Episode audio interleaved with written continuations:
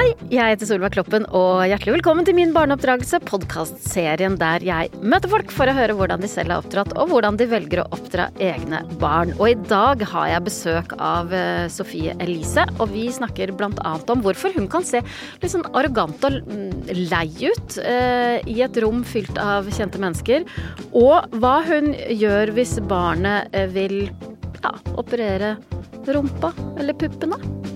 Er bare å glede seg.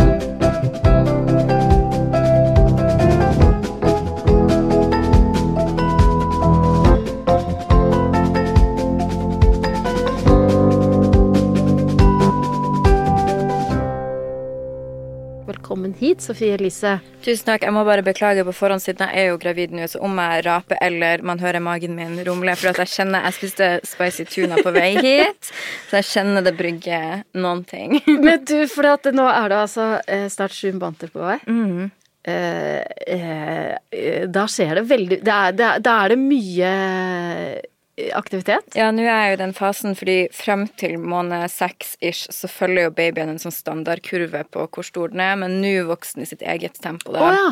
Dette har jeg glemt. Ja, den, den gjør det, for det var, jeg vet ikke om det var det når du var gravid, eller kanskje ikke, men vi holder jo på med apper og sånn, så vi får daglig Det oppdatering. ikke den Um, så der nå følger han sin egen, eller han følger sin egen rytme, og eh, da merker jeg at det kanskje er mye nesten fra dag til dag, altså. I styrk, eller kraftig spark, eller størrelse, da, føler jeg. Så det er veldig gøy. ja, Du har nettopp avslørt at det er en gutt. Ja, det gjorde jeg. Eh, Det føles så deilig å kunne si han istedenfor å si den hele tiden. Mhm. Ha, er, er, har dere navn allerede? Ja, da har vi jeg kan si til deg etterpå. Oi, gøy. Ok. Eh, eh, du starta karrieren din som blogger allerede i 2011. Da var du akkurat blitt 16. Ikke sant. Eh, og ble jo veldig raskt en av Norges største profiler. Eh, og, og nå blogger du jo ikke lenger. Du holder på med veldig mye annet. Du har altså hatt en av Norges største podkaster, du har gitt ut musikk, eh, du er gründer av Glød Sofie Elise. Eh, du har vært med i eh, serien Girls of Oslo. Ja. Mye. Mye. Eh, men nå er det altså Det vi skal snakke om først og fremst i dag, er jo din oppvekst. eh, Ja. Og hvordan du tenker å oppdra den lille gutten som ligger i magen din. Ja. Eh, jeg eh, tenker at vi starter som jeg pleier å gjøre, med noen oppdikta scenarioer fra et liv med barn. Ok, det er så gøy. Det har jeg gleda meg til. Har du det? Ja, ja. Hva syns du er spennende med det? Jeg vet ikke. Det er jo at jeg liker å tro at jeg er en fantastisk forelder som har det beste svaret på disse tingene. Kan vi, kan vi allerede nå avtale at eh, hvis jeg har denne podkasten fortsatt om tre-fire år, kan, Ja. kan du komme tilbake da? Gjerne. Ok. Eh, som sagt, jeg kom med noen oppdikta scenarioer eh, fra et liv med barn, og du svarer hva du ville gjort. Ja. er du klar? Yes. Barnet ditt er to år, vil eh, bare høre på badebussen. Og Å, er- herregud, hva er badebussen? Ja, det er en sånn uh, irriterende uh, sang. Ja, det får jeg vel lære ganske fort. Mm. En eller annen irriterende Hva er den mest irriterende sangen du vet om, da? Nei, altså, av barnemusikk, det er jo den Baby Shark. Hvordan er den? Baby Shark du, du, du, du, du. Å, guri, ja. Ja. Ok, toåringen vil bare høre på den. Mm. Hva gjør du da? Nei, da får den vel lov å høre på den. Fordi jeg husker så godt Jeg var nok ikke to år, men jeg husker å være ganske liten og ville høre på musikk. Så mamma og pappa ga uttrykk for at de syntes det var teit. Og hvor teit jeg følte meg da. Og hvor skamfull jeg ble. For at jeg tok det Jeg ville jo gjerne at mamma og pappa skulle synes jeg var kul på noe vis. Jeg har en pappa som er veldig musikalsk, så hvis jeg ville høre på noe teit, Ja. så var det med en liten forhåpning om at de også syntes det var kult. Ja. Og jeg tror nok litt av det finnes i barn også. ja. Så hvis jeg klarer å tenke eller vise barnet mitt at jeg syns Baby Shark er veldig kult, så hadde det vært det beste. Hører du nå på musikk som faren din også syns er kul? Ja, ja, ja, og det kunne jeg gjøre da også. Ja. Eh, mm. Hva slags musikk er det faren din har hørt på? Han har alltid spilt i band, så han liker sånn grunge-rock. Og det er en stil som jeg likte både da, men også nå. Men jeg har vidt spekter, så jeg kunne også like sånn uh, tyggegummi, pop, og det kunne jeg gjerne vise foreldrene mine og tenke at de kom til å like òg, men gjorde ikke det. Men når barnet ditt, eh, når eh, to-treåringen da vil høre på det du tenker er grusom musikk, eh, kommer du til å late som du liker det, for å på en måte Ja, Ja. det tror jeg. Ja. Ellers, og hvis de spør, jeg vet ikke om har, han har vokabularet til å spørre om det når han er to år, hvis han spør om jeg liker det, så kan jeg si sånn Jeg liker det for at du liker det. Ja. Ja. Eh, Barnet ditt er fem, skal, dere skal ut og sykle, eh, og han eller hun nekter å ta på seg hjelm. ja. Hva gjør du da? Da sier jeg at da, da blir vi ikke å sykle. Okay. Så der kommer jeg for at sikkerhet, det er viktig. Da kan jeg gjerne være ukul. Ja. Mm. Eh, men hvis eh, barnet ditt da blir sånn spagettiaktig og nekter og, og dere skal rekke et eller annet, så dere må på den sykkelen. Ja, da hadde jeg bare sagt at vet du hva, nå får vi ikke kommet oss til det vi skal rekke, og det kommer til å få en konsekvens for det vi skal gjøre senere. Jeg hadde prøvd meg på en eller annen sånn, men til slutt så må man, man vel bare slenge seg i taxi da, eller i bilen eller noe annet Var dine foreldre opptatt av sikkerhet? Eh, ja, nå var ikke jeg så opptatt av å sykle eller andre risikosporter når jeg var liten. Eh, jeg, jeg var kanskje ikke så opptatt av sikkerhet heller, for vi bodde jo nærme havet, og det var jo veldig mange faktorer der som kunne vært farlig. -hmm. Jeg ble jo sendt ut for å leke alene. Uten redningsvest? Ja, ja, fra jeg var tre år, liksom. Da var de ikke spesielt opptatt av sikkerhet? Nei, nei. nei, det kan man si. Gikk det galt noen gang? Jeg datt i havet en gang da jeg var kanskje sånn fem, og da var det ei venninne som hjalp meg. Eh, men ikke sånn, det var ikke sånn drukningsfare egentlig, tror jeg. Jeg bare falt til ja, skuldrene, kanskje. Jeg hadde Ja. klart å kave meg inn, liksom. Men du husker det godt? Husker det godt. Ja, for meg var det en nær døden-opplevelse, men det var jo ikke det.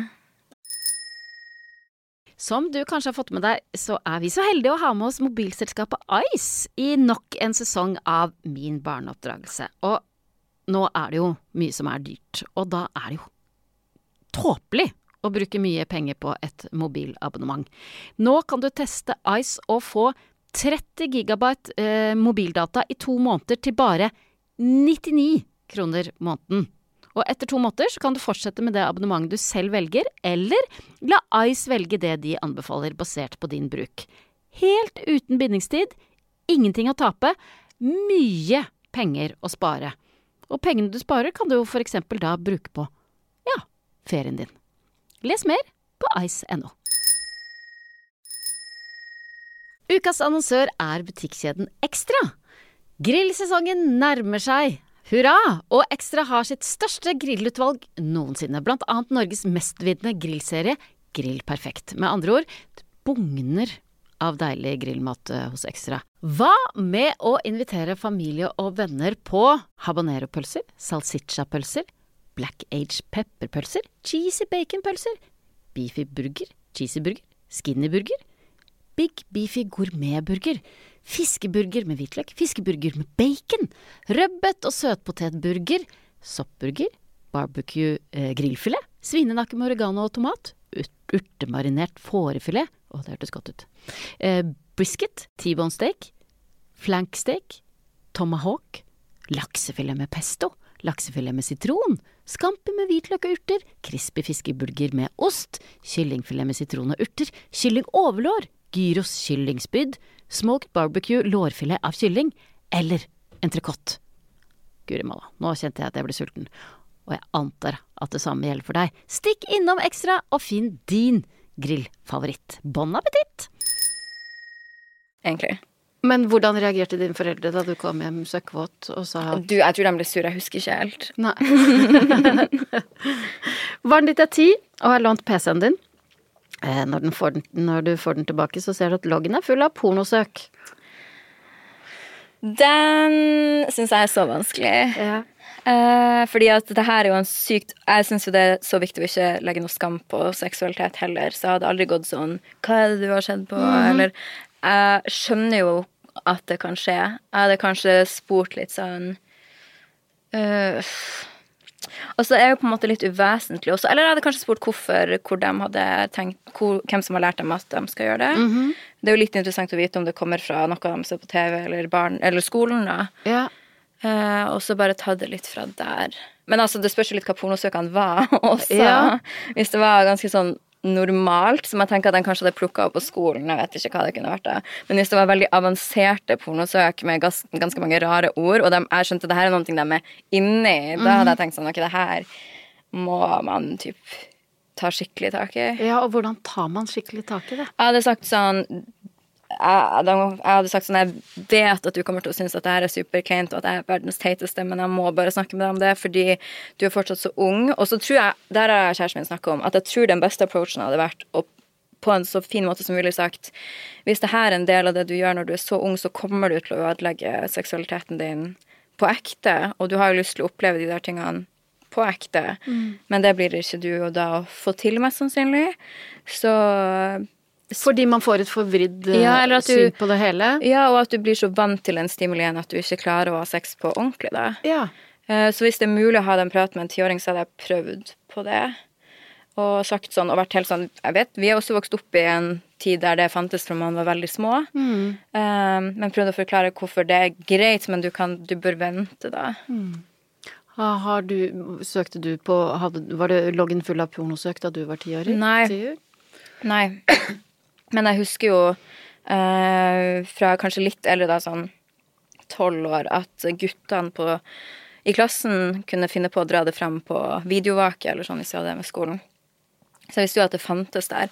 Men da var det mer sånn Jeg er jo en jente, og det er litt annerledes. Man blir mer sånn «Ah, jeg er Man har mer den der. Så eh, jeg husker at jeg syntes at det var ganske too much, da. Så jeg tror ikke jeg søkte på noe porno før jeg var voksen sånn helt på ekte. For jeg syntes at det var litt ekkelt var ung. Har du hatt samtalen med foreldrene dine om porno? Porno? Nei, nei, nei, nei. nei, nei. oh, ja! Nei, nei, nei. nei. Det, det ville vært helt uaktuelt. Jeg tror ikke dem helt vil vedkjenne For dem er jo litt Har du hatt med dine barn?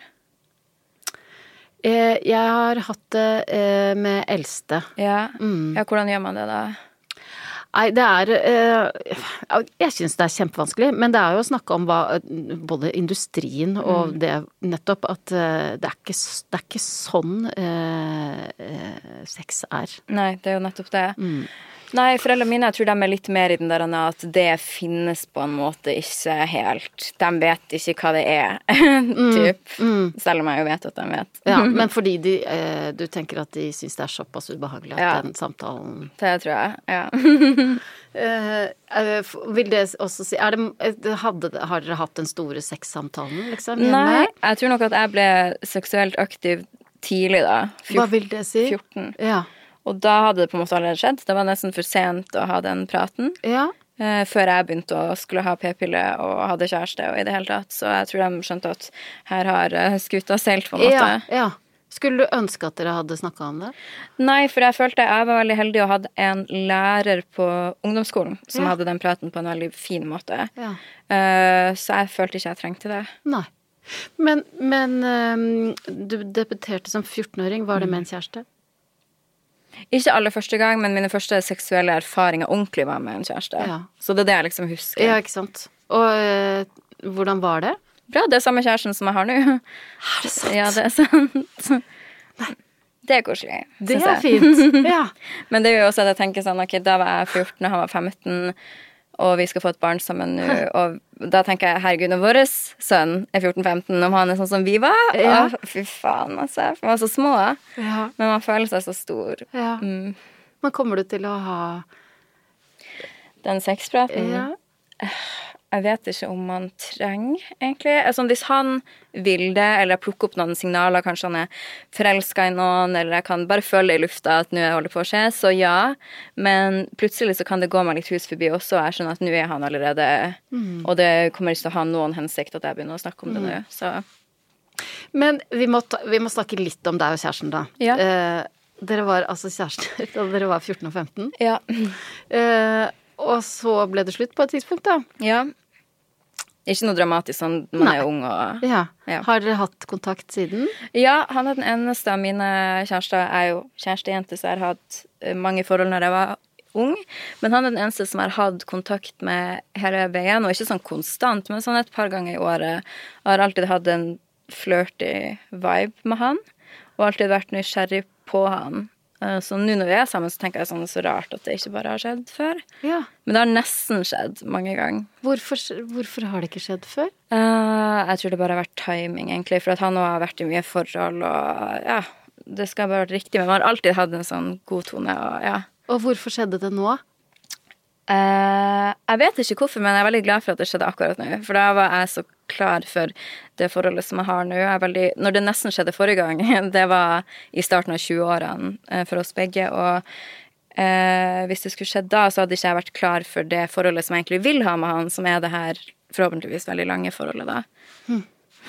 Kjenner du han igjen fra han var 15? Litt, ja. ja. Men det er noen mer ganger Ikke sånn personlighet, egentlig, men noen ganger når jeg ser på han, så det er akkurat som jeg kan få sånn lite flashback. Det er veldig sjeldent, men sånn eh, Måten han liksom smiler på, eller ja Ting han liker, eller sånn som fortsatt henger igjen, da. Og så kan jeg si sånn Oi, det husker jeg fra vi var små at du også gjorde. Ok, vi skal snakke mer om dere eh, senere, men eh, tilbake til disse scenarioene. Eh, barnet ditt er 13, spør om hvor man får kjøpt kondomer. Da hadde jeg sagt at eh, det eh, kan jeg godt ordne for deg hvis du vil det. fordi at eh, man kan kjøpe det på f.eks. apoteket. Jeg hadde forklart, jeg hadde sagt sånn, jeg tror det er 18-årsgrense. Jeg tror på ekte det er det. Det er iallfall 16, kanskje. Så hvis du vil at noen skal kjøpe det, så kan jeg gjøre det. Men jeg lurer på Jeg skjønner jo hvorfor du trenger det, men er det noen spesielle du tenker på, eller noe sånt? Eller vil du bare ha det? Jeg tror jeg hadde prøvd å ta en litt sånn chill. Der kan man ta samtalen. Ja. Ja, der kan det kanskje komme, ja. Men hvis han hadde spurt meg Det er jo noen av disse tingene der, der, jeg hadde tenkt sånn Det tror jeg du hadde du på egen hånd, så jeg nesten blir litt glad hvis han hadde spurt, for da vil han egentlig ha den samtalen. Det er kanskje sin måte å gjøre det på, da. Tenker du at uh, var, var det riktig for deg å ha sex da du var 14? Uh, både ja og nei. Sånn, jeg angrer ikke på det, men eh, sex har betydd altfor mye for meg, tror jeg, og det er noe jeg tenker mye over nå når jeg skal bli Hvordan mor. da? På den måten at det har vært min make it or break it på om jeg føler meg bra nok. Altså det med seksuell oppmerksomhet, da. Eh, Sånn, føler jeg meg sexy, føler jeg at man vil ha meg, føler jeg at jeg er god i seng. Altså alle de tingene der har vært så sykt viktig for å Ja. definere min selvtillit, på en måte. Og om det kommer fordi at jeg, Eller jeg tror kanskje Det er jo fælt å si, men jeg var veldig usikker på meg sjøl som ung og ble mye mobba. Men jeg følte jeg presterte på en måte som kjæreste eller som seksuelt, eller det var noe jeg mestra da, som var Ja. sjukt viktig for meg. Ja. Um, og du, er det er jo fellesnevner at mange jenter som eller mange kanskje som er usikre, kanskje blir litt kall det lett på tråden. Jeg vil ikke si at jeg var det, men det var en måte for meg å føle meg bra på. ja få bekreftelse. Ja, absolutt. Og kan du fortsatt kjenne på det? At du, det er på- lett å ty til, på en måte? Den Ja, jeg kan kjenne på det i forhold, fordi jeg merker det nå når jeg er gravid, hvor viktig det faktisk er for meg. Ja. Fordi at nå når jeg ikke lenger har helt kontroll på det på samme måte som før, jeg er liksom ikke like jeg kan ikke bare slenge meg rundt eller være sexy eller whatever, så merker jeg at det er en knekk på selvtilliten fordi jeg har vært så vant til det. Så nå må jeg liksom redefinere litt. Ok, hvordan er det jeg føler på kjærlighet og, og Ja. bekreftelse i det hele tatt? Og hvordan kjennes det? skummelt noen gang. Jeg, snakker, jeg og kjæresten min snakker mye om det. Fordi Ja. at jeg, Når jeg først blir lei meg, så er det derfor jeg blir lei meg, faktisk. Sånn, fordi jeg ikke føler meg helt som meg sjøl. For man går jo fra å være sånn ung og sexy og med på alt til at nå er du gravid, og nå skal du bli mamma. Mm. Nå, altså det er sånn, ok, Hvordan balanserer det her Ja. med å være sexy eller seksuell? Og, ja, det kan være vanskelig, altså. Men blir bedre og bedre hele tiden. Ja. Ja, at jeg, jeg må innrømme at jeg av og til har sett bilder av deg på sosiale medier eh, hvor jeg har tenkt Oi, ja, så sexy du er. Men hvorfor er du sexy på dette bildet eh, når det handler om en bokklubb, eksempel? Ja, ja, jeg tror det er noen ting jeg også kan tenke på nå, at eh, det blir òg litt omskalert når jeg er gravid. Fordi jeg kan på en måte ikke Jeg ser litt bilder av meg på en annen måte òg, fordi at jeg tenker tenker ok, der hadde jeg ikke trengt å posere med sånn åpen munn eller whatever, men det har blitt en sånn go to. Ja. Men jeg tror fortsatt at jeg ønsker å ta sexy bilder, men i riktig setting. Det trenger ikke være på alt, liksom. Nei. Mm. Mm. For du har man, Og det har vi jo alle eh, behov for å være sexy. Ja, ja, og jeg for meg så det Jeg elsker jo å ta bilder og den kunsten det er, på en måte. Ja. Så, og der vil jeg gjerne kunne være sexy, men det trenger ikke være alle bilder hele tiden. Ok, barnet ditt er 14 eh, og er den eneste som ikke er invitert til bursdagsfesten til en i klassen. Og det der kan jeg begynne å gråte av å tenke på nå, faktisk. Hvorfor? Hormon. Jeg kjenner meg igjen, for det første. Og så er det så fælt å være ung og føle på de tingene der. Og fordi at når man, nå når jeg kjenner på hvor mye jeg elsker sønnen min, da, så tenker jeg herregud det, jeg har jo aldri møtt han, men jeg vet sånn, det her kommer jeg til å synes er verdens fineste person. Så hvis andre ikke ser det, så kommer det til å knuse hjertet mitt. Da. Men ja. Men, men eh, la oss begynne med hvordan du hadde det, fordi at du opplevde å bli utestengt. Masse. Og det Alt fra å bli invitert i bursdager på kødd, sånn at du egentlig ikke var invitert når du kom dit, til å ikke bli invitert i det hele tatt, og veldig åpenlyst ikke bli invitert, til at folk ikke møtte opp på tingene jeg arrangerte. Så alle variasjoner av det. Hvor mange år varte dette her? Akkurat når jeg var 14, som i dette tenkte scenarioet, så var det faktisk ok. Det ble verre for meg når jeg begynte på var i sånn tiende, begynte på videregående, og de verste årene, egentlig, da. Og hvorfor ble det sånn, tror du? Uh, jeg ønska veldig å passe inn, og måten jeg prøvde å passe inn på, var ved å passe minst mulig inn, hvis det gjør noe mening, fordi at jeg skjønte at jeg klarte ikke helt å få mm. til den der naturlig pen håndballjente, får det uanstrengt til-greia. Uh, så da ble jeg heller sånn Jeg skiller meg ut. Jeg, ja, det er han. Jeg er promiskuøs, da. Jeg har en blogg. Jeg alle de tingene der for å få oppmerksomhet til å bli sett. Mm. Og da tror jeg at når du allikevel da ikke har naila de sosiale kodene, så det er enklere å være sånn Hun der, hun er helt ute. Hun orker vi ikke skal, skal få komme, liksom. Mm. Når jeg egentlig bare var veldig skjør og sårbar, da. Mm. Ja. Hm. Så foreldrene dine det her? Eh, det har vi faktisk snakka veldig lite om. Jeg har nok vært ganske flink til å skjule de tingene. Jeg hadde mye sinne mot mamma og pappa når vi var når jeg var ung. Fordi de har vært helt fantastiske foreldre, og det her er jo noe jeg igjen ser nå når jeg er gravid på en helt annen måte. Men de hadde veldig lite penger, og det var vanskelig økonomisk, og jeg var De fikk deg da de var 20. Mm. Så det var Eller veldig tidlig i 20-årene. Og da begynte pappa å studere rett etter. Mamma jobba ikke. De hadde masse lån fra gammelt av. Og det gikk jo utover meg og hvordan jeg kunne kle meg og hva jeg kunne være med på og sånn. Men selvfølgelig de det var verst for, er mamma og pappa, det skjønner jeg jo nå. Mm. Men det bidro jo til at jeg ikke var så populær. Mm. eh, og så bodde vi i tillegg litt utenfor byen, men jeg gikk på en skole i byen, som man gjør på videregående. Men eh, en av foreldrene mine hadde alltid bilen på jobb, så når jeg først var hjemme, så var jeg stuck der. Jeg kom aldri ut ja. på noe sosialt hvis jeg først hadde blitt invitert. Eh, og hvis jeg en sjelden gang ble det, så måtte jeg bli kjørt, og da hvis jeg ble uinvitert når jeg sto på døra, så kom jeg ikke hjem igjen. Altså det var en helvetes logistikk, sant.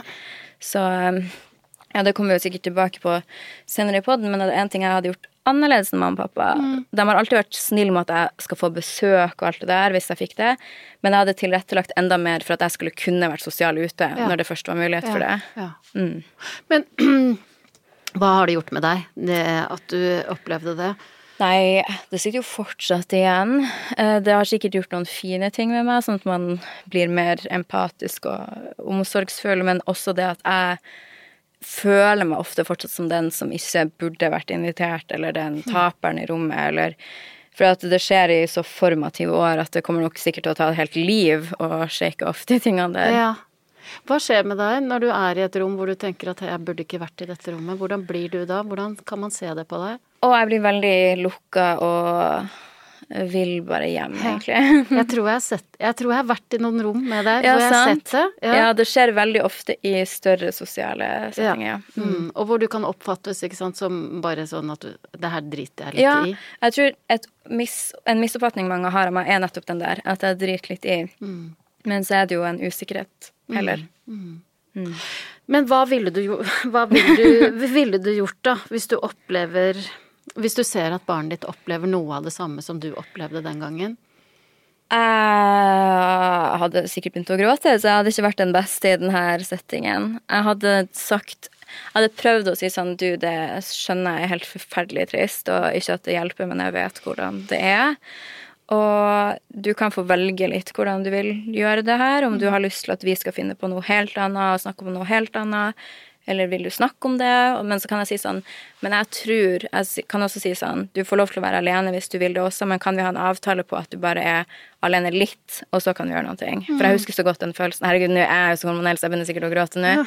Men jeg husker, ja, men det er så sårt. Ja, men jeg husker så godt den følelsen av å finne på en eller annen unnskyldning, sånn at jeg kunne sitte på rommet hele kvelden og bruke den tiden egentlig bare på å tenke på alt som er galt med meg, og tenke på hva de andre gjør, og hvorfor jeg ikke er der, og det som er så jævlig med å være i den alderen, det er at du må jo møte alle disse folkene her igjen på mandag. Det er jo ikke som å være voksen der du kan drite i det for alltid. Mm. Og da snakker de kanskje om det de har opplevd som du ikke var invitert til. Um, men jeg håper at jeg kan få han til å Jeg er jo heldig som har opplevd disse tingene sjøl, og som har fått noen form for suksess ut av det. Mm. Så jeg kan jo snakke med han om at sånne ting suger, men det kommer tro det eller ei, også noen fine ting ut av det etter hvert. Ville du tatt kontakt med foreldre? Eh, når de er 14 Det er jo litt vanskelig, det der. Ja, kanskje, hvis jeg kunne snakka til dem bare som foreldre, og ikke med en oppfordring om å snakke med barna eller et eller annet. Men der er kanskje vi kunne drodla litt om hvorfor man tror det har skjedd. Men jeg vet jo også at et påtvunget vennskap er jo ingen tjent med heller. Det er jo ingen som har lyst til å føle at nå er jeg bare her fordi jeg har blitt tvunget pga. foreldrene sine. Så, men jeg tror at det positive ved at min sønn skal vokse opp i Oslo kontra Harstad, der jeg bodde, det at hvis sånne ting hadde blitt for ille, så har man mulighet til å bytte skole eller til å finne en hobby som er på andre sida av byen. Mens det hadde ikke jeg. Du er liksom stuck. Hadde du noen? Ja, jeg hadde en god venninne som er en av mine nærmeste venninner i dag. Hun gikk riktignok på en annen skole, så det gjør jo ting litt mer vanskelig på sånne ting. Og så bodde også periodevis i en annen by. Og så hadde jeg to venninner i klassen som eh, jeg hadde et anstrengt forhold med, for at man noen ganger var uvenner, og dem var closest, egentlig. Så jeg var alltid den rare på utsiden. Sånn typisk. Som sant? fikk være med innimellom? Mm. Ja. Og så ble videregående, og da var det verre, for da hadde jeg perioder uten noen, da. Kan du, kan du fortsatt kjenne på den ensomhetsfølelsen som du må ha kjent på den gangen? Nei, egentlig nesten motsatt, fordi jeg føler meg Ja, jeg kan føle meg usikker i et rom og sånn, men jeg føler meg egentlig aldri ensom. Eh, jeg er så glad i mitt eget selskap, og jeg kjeder meg heller aldri. Og hvis jeg Det er mer det at sånn setting som vi snakka om i stad, hvis jeg ikke føler meg vel en plass, så er jeg også helt komfortabel med å dra, og da sitter jeg ikke og føler på det når jeg kommer hjem. Jeg skjønner. Ja. Men jeg skulle kanskje ønske jeg var flinkere til å være sånn snappe ut av det, og nå skal jeg utfordre meg selv og gjøre det bedre i denne situasjonen. ja. Kommer Prøver du på det innimellom? Nei, og det burde jeg gjort. Ja. Mm. Jeg har blitt flinkere på mange ting, sånn eh, med sosiale Jeg kan mye heller gå inn på et vors med noen folk jeg ikke har møtt før. Og liksom klare å naile det og ha det greit. Men med en gang jeg er med folk som jeg føler er over meg på en eller annen måte, Ja. kulere eller ja, vet mer, syns jeg det kan være ganske jævlig. ja, for da trekker du deg tilbake. Ja, for jeg føler meg som den ukule taperen som ikke burde være der. Det er dit du går. Istedenfor å tenke sånn så heldig er jeg som får være i et rom med de sånn kule folkene og lære masse, sant. Så nå fikk jeg litt åpenbaring. Jeg burde tenke det. Tenk på det neste gang, da. Ja, jeg skal det. Ok, barnet ditt er 16, har fått seg en kjæreste som er ti år eldre. Ja, nå har jo jeg en gutt, så det hadde vært veldig rart. Ja. Eller uvanlig. Men det kan jo hende. Da ser jeg jo for meg at han kanskje er gay. Og det kan jo hende at du får en jente etter hvert også. Ja, men i mitt scenario nå så ser jeg for Ja. meg at han kanskje er gay Ja. og har en eldre mannekjæreste. Eller så kan det være en dame. Da hadde det vært en dame, så hadde jeg vært sånn Jeg syns det er veldig rart av henne å være sammen med Men jeg har litt erfaring med noe lignende, for når jeg var 15, så ble jeg sammen med en som var 18, og det er jo ikke den største aldersforskjellen. Men det er en del i ungdommen. Ja, og jeg husker at det tok jo ikke foreldrene mine bra whatsoever. De snakka egentlig ikke så mye med meg om det, annet enn at det var bare ikke akseptert. Og på den måten at jeg fikk høre at av pappa da, at menn som er 18 år og har lappen og henger med 15-åringer, er tapere. Det var liksom hans approach til det hele. Og eh, jeg husker at det gjør meg jo bare sur, og jeg skal vise dem, Strasser. Stressig. sånn er det ikke. Ja. Men eh, hadde min sønn fått en kjæreste som var 26 år, og la oss si at hun var jente da, så hadde jeg tatt en prat med henne, faktisk. Og jeg hadde ikke vært sånn 'hold deg unna sønnen min', eller noe. Jeg hadde sagt sånn jeg må bare se hva slags type menneske det her er. For Ja, jeg ja. skjønner virkelig ikke hva slags 26 år gammel jente som vil være med en 16 år gammel gutt. Uansett hvor kul han er. Jeg skjønner det ikke. Mhm. Da hadde jeg tenkt enten sånn La oss si at han er jævlig kul. Da hadde jeg tenkt kanskje hun utnytte han på et eller annet vis for et eller annet han har. Mm. Kanskje han er sykt god i senga, eller så man vil ikke tenke sånn. Men altså, jeg tenkte, noe må det jo være hvis hun er helt normal. Så ok, kanskje det på et eller annet sjukt vis kan gå. Men ja. Jeg tror nok jeg hadde prøvd meg på den der eh, Man blir forelska i det man blir forelska i, men altså, det her er jo merkelig. Hvorfor har du ikke lyst til å være med noen på din egen alder? For dem begge, liksom. Men, og, men tenker du at faren din Hva hadde vært en lurere måte, fremgangsmåte for han? Han burde, han burde spurt, vært nysgjerrig sånn, hvordan har dere det sammen, hvordan møttes dere, hva er det som gjør at du liker han, og hva tror du gjør at han liker deg, og hva tenker du nå når han går på videregående og han skal flytte? Altså, spør om sånne ting, da. Så får du litt refleksjonene mine rundt det, og kanskje finne en vei inn der. Men å blankt være sånn, det der er en taper, og han skal du ikke være med, det er veldig sånn Og jeg fikk plutselig helt andre regler i det forholdet enn jeg hadde hatt i mitt tidligere forhold. For når jeg var sammen med han som jeg er sammen med nå, Vegard, så hadde jeg ganske ikke så mye regler. Men plutselig fikk jeg ikke lov å ha besøk, jeg fikk ikke lov å være på besøk, og det er klart at da får man oppstandelse gjennom Ja, det. ja. Men tenker du at det var greit at du var sammen med han som var rotten? Jeg tenker at eh, man kan jo på en måte ikke si at det ikke er lov, egentlig. Eh, Mhm. Du var under er seksuell lavalder, da. Så jeg Mhm. kunne jo prøvd seg på den. Ja. Eh, så sånn sett, ja, jeg kunne sagt at det ikke var lov, men jeg tror jeg, eh, Kan man egentlig si så mye, da? Er ikke det veldig vanlig at man, en 15 år gammel jente er med noen som er litt eldre? Jeg tror i hvert fall ikke det er helt uvanlig, nei. Nei. Så eh, man kan jo ikke like det, men Hvor lenge gjøre. var dere sammen? Vi var faktisk sammen en stund. Vi var sammen i ett år. Så det er jo var, det, var det ok? Ja, jeg syns det var ikke noe sånn dårlig forhold, egentlig. Nei. Og så ble det over fra han dro i militæret, som vanlig Ja, Ja. det var Ja. det. ok, um, barnet ditt er ni og forteller alle vennene sine om alt som foregår hjemme. Ja, det får, hva da er det som foregår hjemme? Nei, det vet jeg ikke. Altså, jeg har en sånn regel, og det er at barnet mitt, så vidt han vet, så har ikke jeg og faren hans sex i det hele tatt. Nei. Det skal ikke være noe sånn Skal ikke finne noe greier i en skuff eller høre noe greier. Så sånt skal være Aldri. aldri. Jeg har nå traumer ting jeg har funnet i Oi, ja. ok. Hva da? Nei, bare vanlige ting. Jeg tror jeg har så mange venner som enten har hørt eller funnet, og jeg er en av de, sant? Og det vil man ikke. Nei. Hva gjorde du da? Nei, jeg ble nå forferdelig klein og ville kvalm. Hvor gammel var du da? Jeg har gjort det i to runder. Altså én når jeg var sånn ganske ung, kanskje sånn åtte-ni, og en til når jeg var sånn 16. Og nå når jeg ser tilbake på det, så er jeg bare sånn ok, men så bra for dem. Ja, så flott. Ja. Men uh, det er ikke noe gøy der og da. Tok du det opp med dem? Nei. Nei. Jeg tror jeg kanskje brukte det mot dem en gang når jeg ikke fikk lov å ha en kjærestesvaten når jeg var 15. Men da var de sånn Det er fullstendig forskjellig. Og det var jo jeg uenig i, selvfølgelig. Eh, men altså, det er den eneste Jeg vil ikke at han skal ha noe innblikk i vårt sexliv. Og utover det så tror jeg ikke vi kommer til å gjøre noen sjuke ting, forhåpentligvis. Nei. Så han kan gjerne fortelle alt vi gjør Ja. hjemme. Eh, barnet ditt er 14 og har lyst til å starte en blogg. Det er kanskje ikke så mange som gjør lenger. Nei, men- kanskje han ville starte en La oss si at det finnes da TikTok-account. Ja, ja. Hva sier du da?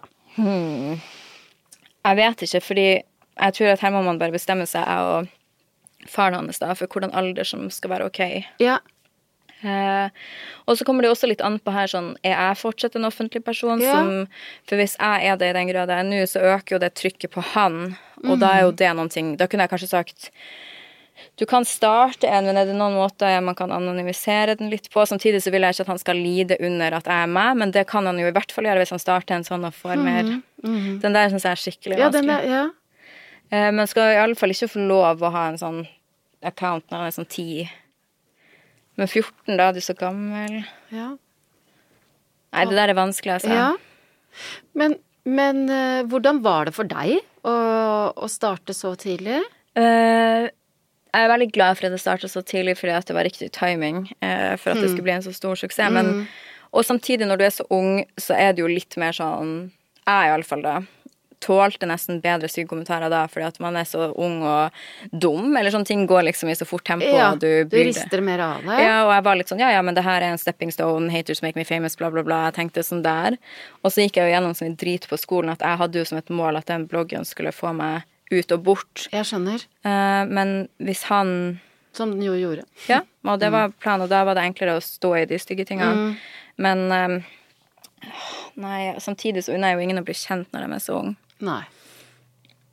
Eh, så jeg vet ikke hva jeg hadde gjort. Det der er vanskelig, altså. Ja, for hvis du opplever Hvis han da ikke sant, eh, blir stor på TikTok og får masse stygge kommentarer, Ja. Hvordan ville du reagert på det? Hva ville du ha gjort da? Eh, da kunne jeg jo sagt til han sånn Det kan vi godt snakke om, for at jeg vet hvordan det er. Eh, og her er ingenting teit å si. Det er lov å både synes at det er spennende og gøy, men også helt jævlig og trist. Det trenger ikke være enten-eller. Um, men det jeg hadde syntes hadde vært vanskelig da, det er om han hadde fått noen stygge kommentarer også på grunn av at jeg er mora hans. Ja. At det hadde vært sånn Jeg vet ikke hva det kunne ha vært, det. Men la oss si at ja, jeg er fortsatt kjent, og at media av en eller annen grunn skriver om denne TikToken, og det hadde føltes veldig sårt. Men du, kommer det uh, at du nå blir mamma til å påvirke hvordan du uh, er der ute? Det tror jeg, ja. Uh, og ikke så mye hvordan jeg er, men det kommer jo til å begrense hvordan jeg kan dele om livet mitt, fordi jeg ønsker ikke å filme barnet mitt, for eksempel. Nei, ok. Det, det har du bestemt deg for. Ja, fordi at en ting er jeg vil jo ikke vise ansiktet. Mhm. uh, og i mine egne kanaler så har jeg mer kontroll over at du kan vise en fot, f.eks. Jeg er ikke noe glad i de der emoji over ansiktet-bildene bare fordi jeg syns de er stygge. Mhm. Men jeg kan vise litt sånn detaljer hvis det faller seg naturlig. Yeah. Men jeg stoler ikke på uh, noen TV-produksjoner nok i denne verden til at jeg hadde tenkt at de kommer til å fremstille eller ta hensyn til det. Uh, så det blir jo helt annerledes. Mm Og så det er jo det at jeg ikke vil skrive noen ting som sjenerer barnet mitt. Ja, hva kan det være, for eksempel? Her skiller jeg mellom hva som han kommer til å synes er flaut uansett for at jeg er mora hans. Så han er jo den jeg er, på en måte, og han kommer til å synes det med sexy bilder eller uh, frisky uttalelser, sånn som bare i denne poden. Han kommer til å synes at det er helt grusomt. Men det er jo en del av Deg. Ja. Men eh, jeg kommer jo ikke til å skrive noe om han Nei. som er sånn teit eller flaut, eller Der må jeg bare prøve å tenke hva er det jeg hadde vært Nei, jeg er faktisk en dårlig målestokk. Jeg må spørre kjæresten min hva er det du hadde vært ok med Ja. være av deg som barn. For han er jo ikke kjent For som du ikke- mangler det- ja. mm, det jeg, er- jeg er for eh, slitt Ja, på det der. ja, ja. Så han får bestemme der. Og det er fortsatt kjæresten min jeg spør nå, hvis jeg er usikker på om jeg skal skrive eller ikke, så spør jeg han hva syns du? Og det han mener, blir på en måte veto på det. Vil det si at vi eh, kanskje ikke kommer til å lese liksom små, morsomme eh, historier fra ditt barns liv? Jeg tror nok at hvis han gjør noe som, er- som vi begge er enige i at ok, det her er bare koselig og fint, eh, så kan man lese det. Men hvis, jeg, hvis det er noe vanskelig han går igjennom, la oss si av de scenarioene ikke blir invitert. Ja. Hadde aldri skrevet om. Nei. Eller han har porno, søk på Altså alle de her scenarioene hadde vært privat. Ja, ja. Ehm, så jeg prøver å finne Jeg kommer nok til å finne flow på det. Og så jeg tenker til og med nå Så det er sånn at jeg har jo ikke delt sånn hvor stor Jeg tror ikke sånne små ting bare sånn hvor stor han er når han blir født. Ikke engang sånne ting blir jeg å dele, for det er sånn som folk har mening om. Så jeg skal prøve å holde det veldig sånn borte der. Og det med, ikke sant, for dette er jo mange som, mange, eh, som tenker at eh, man gjør business av barna, på en måte. Eller, og mange gjør business Ja. av barna etter hvert. Ja. Eh, og det der tenker jeg at det går an til å Altså, livet mitt er jo en influenser. Jeg lever av å selge produkter som på en eller annen måte går hånd i hånd med mitt liv.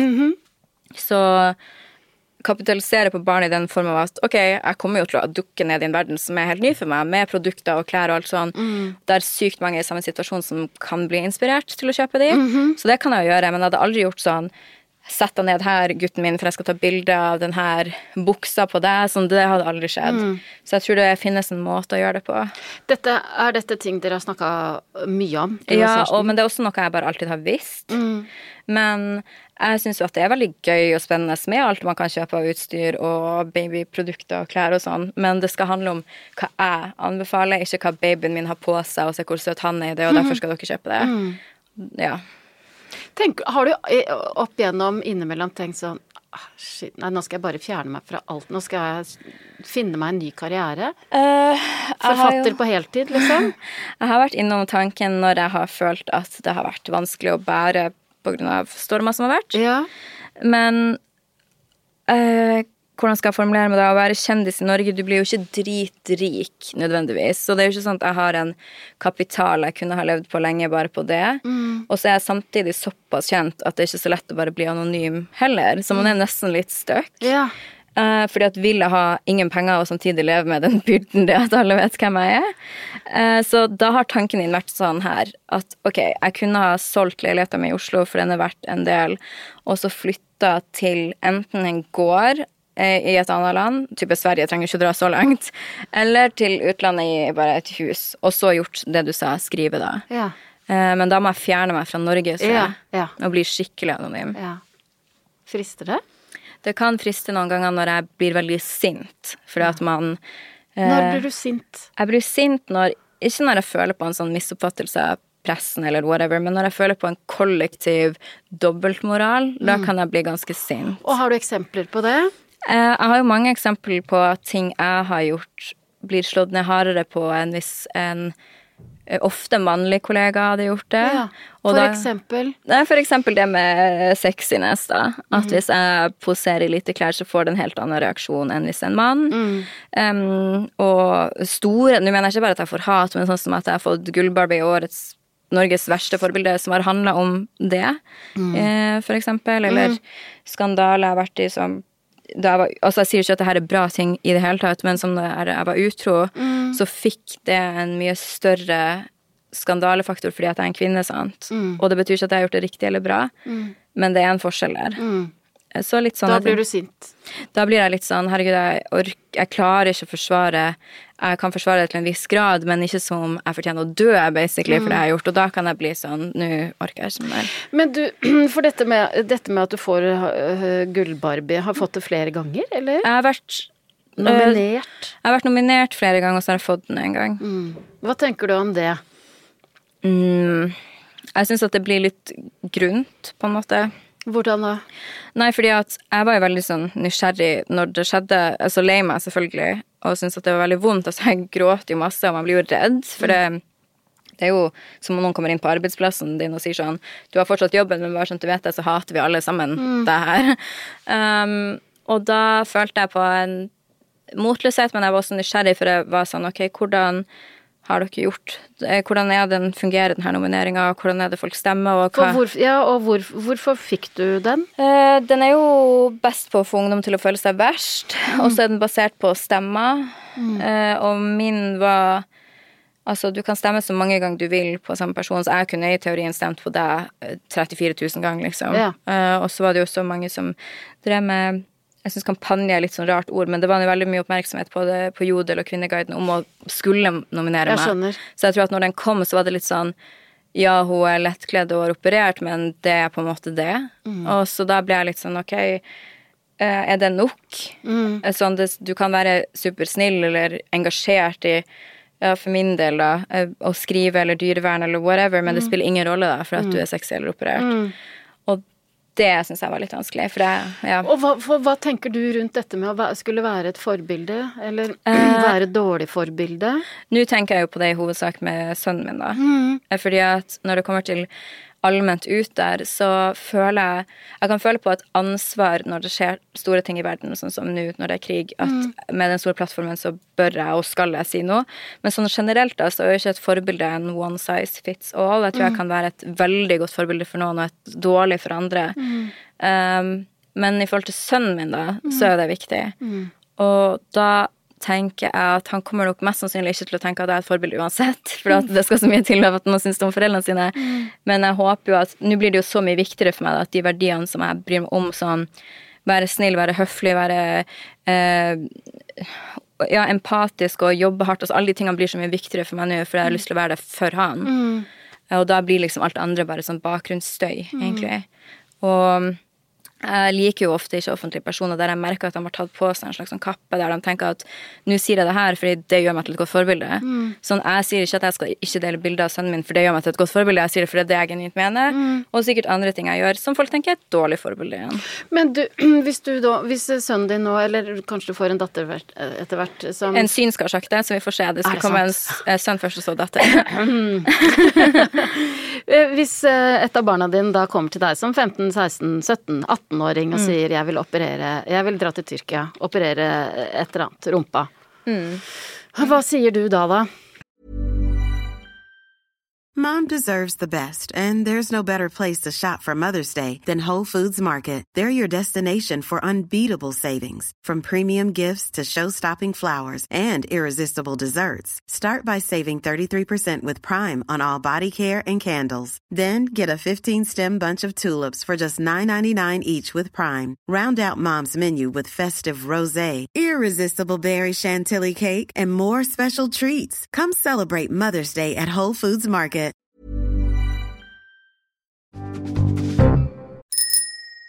Min barneoppdragelse lages i samarbeid med mobilselskapet Ice. Og Ice igjen, de samarbeider med Barnevakten, en ideell stiftelse som formidler fakta og råd om barn og unges medievaner.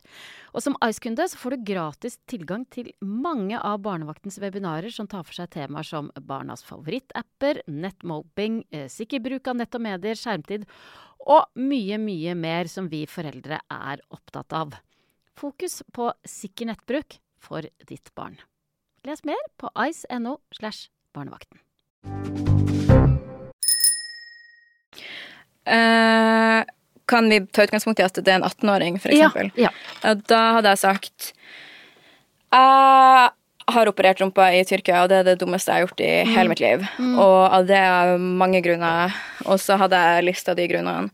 Så jeg har vært sånn Og så hadde jeg sagt sånn hvorfor jeg mener at det er ikke riktig å gjøre generelt. Og da hadde det mer handla om sånn Det kommer ikke til å være fint når du er så så gammel, du kommer til å angre på det så tidlig, og tatt mine egne erfaringer.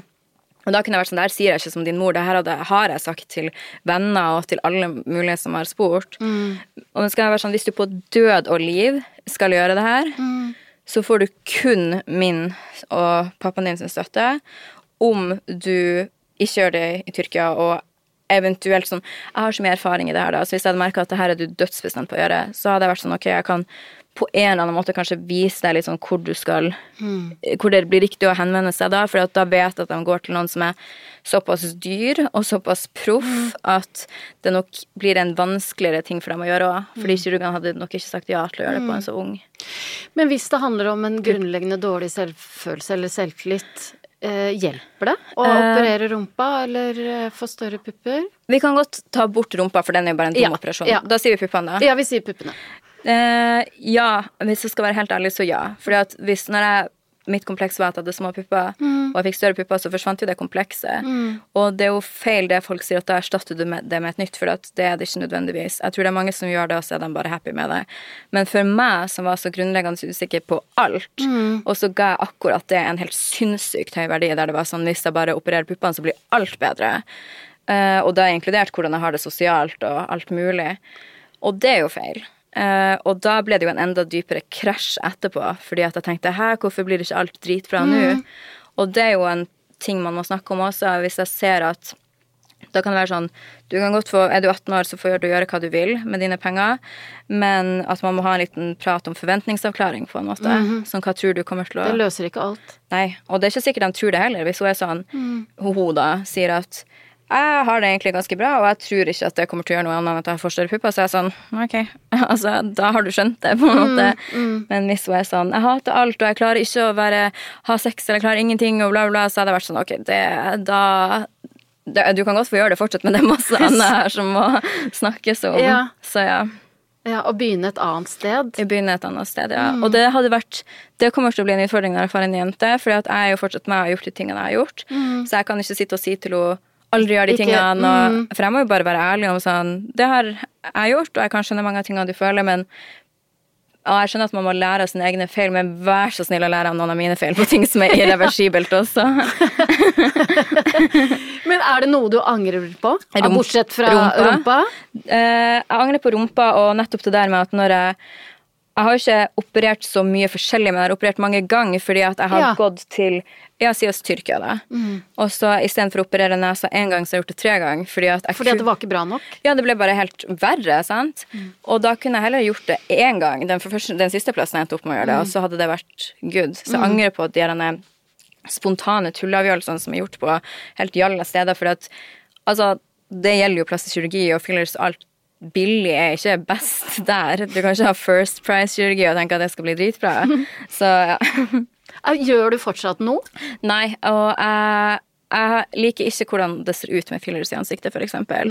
Jeg syns at det blir en veldig for meg mer maskulin look, og for et hardere Du ser eldre ut i et forsøk på å se yngre ut, da. Og jeg tror heller ikke Jeg har ingen tanker sånn Ok, det og det vil operere etter fødselen. Det er ikke noe rush, det. Eh, tar Botox en gang i året. Noen Ja. gang. Hvorfor? Uh, jeg tar det Nei, det er jo bare rynken i Ja. panna. ja, For du liker ikke rynker? Jo, egentlig, for det er noen ganger jeg hadde, så ser jeg sånn, det er fint, men jeg har også Ja. en voldsom mimikk, så det er litt sånn, sånn Ja, men når du ser på meg Jeg syns du ser superfin ut. Ja. Men er det ikke ofte sånn at man ser det på andre, og så ikke seg sjøl? Jo, det er kanskje det, men Men jeg har alltid sånn når jeg tar Botox, og tar såkalt baby-Botox, som det heter. Sånn at du tar veldig lite, bare for å ha litt mer sånn smoothness i huden. Mhm. Fordi at med en gang det blir mye, så syns jeg at jeg ser stygg ut. Da blir det altfor flatt og livløst, og jeg ser sur ut. Mm. Og jeg mister ting som jeg syns er fint, som smilerynken eller ja, muligheten til å uttrykke seg helt, da. Så jeg har en Jeg tror jeg har et mye mer chill forhold til det enn mange tror. Ja. ja. ja. Hvor viktig er utseendet allikevel for deg nå? Det er viktig, men det har fått en litt mer voksen tilnærming, tror jeg. Jeg er opptatt av å ha et hår som ser velstelt ut, og negler og sminke. Altså, jeg liker det. Men det er ikke lenger sånn at jeg tenker å, herregud, hvorfor ser ikke Sånn her kunne jeg tenke før, og mener det på dødelig alvor. Jeg kunne tenke sånn Hvorfor ser ikke jeg ut som de aller peneste i verden, og det er helt urettferdig at de ser sånn ut og ikke meg? Og hvis ikke jeg ser sånn ut, så er ikke livet verdt å leve, basically. Men nå tenker jeg ikke sånn. Nå tenker jeg sånn andre ser ut som de gjør, jeg ser ut som meg. Ja. Det er jo litt urettferdig, selvfølgelig. Det er jo det. Altså, kunne jeg trukket på en knapp, og det hadde vært sånn, så hadde jeg jo gjort det. Men du, hvis, du merker, hvis du merker at barna dine eh, blir veldig utseendefokusert etter hvert, Ja. Kommer du til å jobbe aktivt for at, liksom, at man skal få fokus over på noe annet? Jeg tror jeg kommer til å gjøre en miks av at ja, aktivt jobbe for at de skal fokus på flere ting, for jeg tror at da blir det mer balansert, eh, det du tenker om utseendet ditt òg. Men også aktivt jobbe for at de skal ha en fin, bra smak, er det lov å si? Ja. Jeg vil ikke ha Hva legger du i det? Nei, at du skal klare å ha en viss sånn eh, Hvis du er dattera mi, da, og du for eksempel, jeg er dritstreng på det, og det snakka jeg kjæresten min om, at du skal ikke få lov å farge håret. Sånn, jeg ødela håret mitt så tidlig, og det så helt jævlig ut, sant. Du får ikke lov å farge håret. Du Nei. har ikke lov til å ha tre kilo løsvipper, for det ser ikke fint ut. Jeg tror jeg kommer til å ta en litt sånn gammeldags approach der. Så når du går ut herfra, så representerer du dette huset, og folk tenker allerede at jeg er trash, så du skal ikke se ut.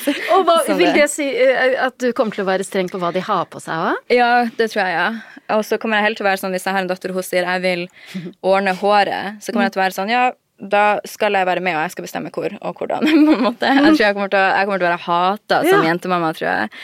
Ja, definitivt. Er det sånn sett litt sånn deilig at du nå At det, Det- er en gutt i magen din? Det er deilig at han er først, i hvert fall, Ja. for han får lært seg litt. Ja, ja.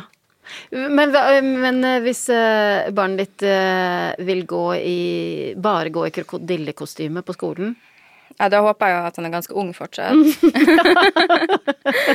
Hvis ikke, så hadde jeg tenkt at han er på crack, og det hadde vært verre. Men uh, bare gå i eh, det på barneskolen, det hadde han fått lov til. Ja. Jeg tror han blir lei av det etter hvert. Jeg tror, Da må du bare la det, og så går Det det, er over. ja. Ja, ja. Men ja, apropos eh, crack, siste scenario. eh, eh, barnet ditt har vært på fest, kom hjem, er 15 år eh, og er tydelig ruspåvirka. Ruspåvirka altså alkohol eller noe annet? Det, det vet du ikke helt, men ruspåvirka, og kan godt hende at det er noe annet. Ja, da hadde jeg ikke tatt det der og da, for det er ingen vits å krangle med noen som kommer hjem fra fylla og er påvirka. Da hadde jeg bare vært Jeg hadde typ vært som ingenting, og så hadde jeg vært sånn ja, og så gått og lekt seg, og så dagen etterpå så hadde jeg vært sånn jeg, jeg hadde ikke vært sur hvis den hadde drukket, for da hadde jeg bare heller vært glad. Og for den, ikke for at den drakk, men for at den kom hjem. Og sånn. Og da hvis det kun var alkohol, så hadde jeg sagt sånn Jeg skjønner at dere drakk i går, og jeg forstår veldig godt at det er den alderen nå, men jeg vil at vi skal ha noen regler på sånn eh, at du sier ifra og når du kommer hjem og litt viser sånne ting. Men ellers helt ok. Var, ikke Var dette regler du også hadde? Nei, jeg hadde sånn jeg måtte late som jeg sov en annen plass, og det ble bare kaos. sant? Ja, for da løy du bare. Ja, og drikking gjør man jo anyway. Så, og hvis det da plutselig skjedde noe, og hvis jeg ble altfor full da, og det skjedde jo, og jeg ikke turte å ringe hjem, men så endte det jo med at jeg gjorde det uansett, og fikk bare kjeft, skjønner du. Og um, ja, så jeg prøver å lære litt av det. Men hvis jeg merker at det var rus, Ja. da hadde jeg sagt sånn Det er det er skikkelig skummelt at det er noen ting du gjør så tidlig. Og det er helt uaktuelt. Du har lov til å drikke, men jeg kommer til å teste det. Sånn, du kommer, jeg kommer til å, og det hadde jeg stått ved. Sånn, du kommer til å måtte ta Urinprøve? Ja. Har du vært gjennom noe sånt? Nei, nei, men jeg har venner som har vært igjennom sånt. Sånn når de har Jeg har jo venner som er litt eldre, som har barn som er i den alderen, da. Der de faktisk har stått i å gjøre det. Og det virker kanskje veldig strengt, men jeg tror Og så kommer jeg til å forklare sånn hvorfor jeg gjør det også. Og det kommer til å være sånn Jeg skjønner at man vil eksperimentere, og jeg skjønner hele den greia der, men når du er såpass ung, 15 år, så er det så vanskelig å si hvordan det der kommer til å utspille seg, og hvordan det kommer til å påvirke hjernen din, og hvordan retning det påvirker deg til å ta. Mm. Hvor, hvor mye har du eksperimentert opp igjennom? Jeg har Jeg tror faktisk jeg har eksperimentert en sånn normal mengde der jeg ikke Eller nå vet jeg ikke hva som er normalt. Nei, ikke heller. Eh, for eksempel at jeg er veldig Jeg har jo litt angst i kroppen, da. Så Ja. en såkalt bad trip er ikke langt unna for meg, uansett hva det er. Og det har gjort at det aldri har vært noen ting som jeg har higa etter på den måten. Mm. Har prøvd Og det kommer jeg til å si til mine barn òg, for det har foreldrene mine gjort ganske bra og vært veldig ærlige på meg, med meg på sånne ting. Jeg kommer til å si hva jeg har gjort og sånn, Mm. og være ærlig på det. Ja. Rett og slett. Ja. Mm. Ok, eh, da eh, føler jeg at vi har blitt litt bedre kjent med eh, hvordan du tenker, og hva slags mamma du kanskje kommer til å bli. håper ikke han hører på det her, for da er han sånn OK, så hvis det her skjer, så skal jeg Eh, jeg skal sende det til han selv. Men eh, vi skal nå prøve å finne ut hvordan du selv er oppdratt. Vi har vært så vidt innom det, da. Men eh, hva husker du best fra de første årene dine? Å være ute, husker jeg, fordi at vi bodde på, ja, som sagt, utenfor, med omringa av fjell og fjord, fjære, så veldig mye ute i fjæra og lete etter ting under steiner og holdt på på den måten. Hva fant man under steinene? Altså Noen ganger kunne det være helt spinnville ting. Altså Som regel var det jo bare sånne sjø... Heter det sjømarihøner? Sånne dritsmå som ligger og kravler. Ja. Dem kunne jeg finne masse av, og det er jo veldig vanlig. Og så kunne man, jo lengre fjære det ble, så fikk det jo kommet lenger ut. Og da kunne jeg finne alt fra sånn Heter det sprellmakrell, holdt jeg på å si? Sånne fisker som er ganske sånn Ja, det er en fisk, da, som spreller. Ja. Det er Altså- gøy, for nå kan det godt hende at For dette kan ikke jeg noe om, så det kan godt hende at du bare finner på masse Ja, eh, men nye ord. sprellmakrell heter det vel neppe. Eh, men også vent, også, jeg husker en gang en sjøpølse. Det var Ja. ganske sånn defining for meg, der, for det var jo en stor ting å finne. Ja. Sjøpølse, liksom. Og ja, finne litt større fisker. Altså masse greier. Og noen ganger så vi var flere og samarbeida om å fjerne svære steiner. Man bare, der var det masse greier, altså. Det var gøy. Var det en god eh, Husker du tilbake på de årene med en god følelse? Ja, det var fantastisk morsomt, og spesielt når vi flytta til et nytt hus som var en gammel sånn Vi bodde i en brygge da, basically. Eh, Så rett, hvis man så rett ut fra stuevinduet vårt, så så man rett ned i havet. Yeah. Og det var et dritgammelt hus. og å være der ute Jeg husker så godt når det var sommer og liksom det var lyst hele natta i Nord-Norge. Og jeg hadde akkurat kommet til den alderen jeg fikk være ute lenge. Og så kunne jeg se mamma for eksempel være ute på havet i robåten og fiske. Og ja, det var bare så masse fint, da. Kjenner du fortsatt at du kommer hjem når du kom, kommer til Harstad og ser havet, liksom? Ja, men nå har foreldrene mine flytta til et hus der jeg aldri har bodd, så jeg, har litt, jeg mangler litt den der. Ja. Eh, men jeg kan føle det når jeg kommer inn hjemme hos mormor eller eh, Ja, og bare kommer tilbake til rommene jeg har vært i alle de år. Er du fortsatt glad i å være ute? Nei. Det kommer nok tilbake under tvang nå når jeg får et barn. Ja. For jeg vil jo at han skal være ute. Du vil helst sitte inne med store vinduer og se ut. Jeg tror ikke jeg blir sånn som mine foreldre og så sender barnet mitt ut alene, så jeg må Nei. begynne å gå ut nå. Hvorfor du, kommer du ikke til å gjøre det? Han skal bo i Oslo, da. Så Ja. Det fins jo steder i Oslo hvor man kan sende barna sine ut òg. barnehagen, ja. Jeg tror ikke jeg lar han Nei, gå andreplass. Ikke? Jeg merker allerede at jeg er mye mer sånn angstete enn jeg trodde trodde ja. jeg skulle være. Jeg trodde jeg kom til å være en helt chill mor, men jeg gruer meg allerede til han er utenfor magen, for da vet jeg ikke hvordan jeg er hele tida. sant? For du kommer, tenke, du kommer til å bli en overbeskyttende mor? Ja, jeg skal holde det så godt jeg kan inni meg, men jeg prøver, kommer heller til å gå ut med han istedenfor å sitte inne Ja. hvis det er sånne ting jeg kan. Ja. For det kan du kjenne på allerede nå. Ja, og så kan det hende at når han har vært ute i verden en stund og ser at det her funker, og han puster og lever, så kanskje jeg gir litt mer slipp. Men jeg og kjæresten min snakka om det i går, for vi snakka om vi skulle kjøpe han et lite sånn oppblåsbart basseng. Og så var jeg sånn, ja, hvor skal vi ha det? Og kjæresten sa balkongen. Jeg var sånn, balkongen?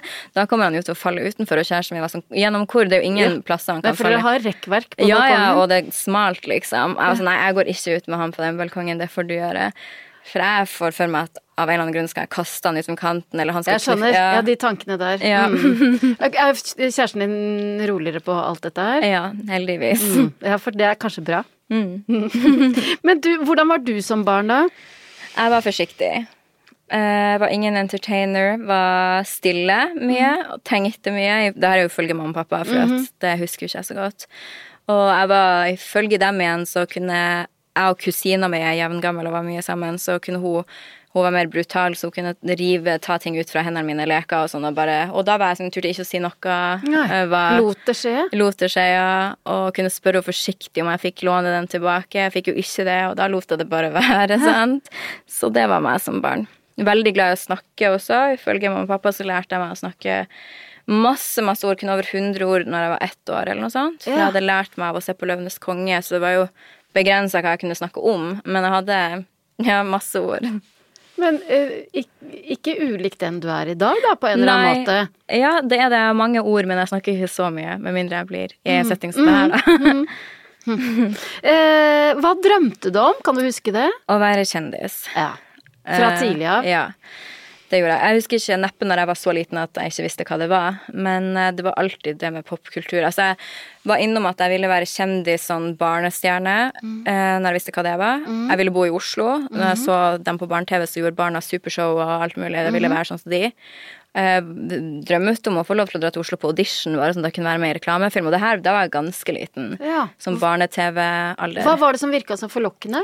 Vet ikke. Det er nesten bare Det var vel det at jeg følte at de fikk oppleve så mye. Det var masse inntrykk og uh, en utfordring. Det var Ja, vel noe med det. ja.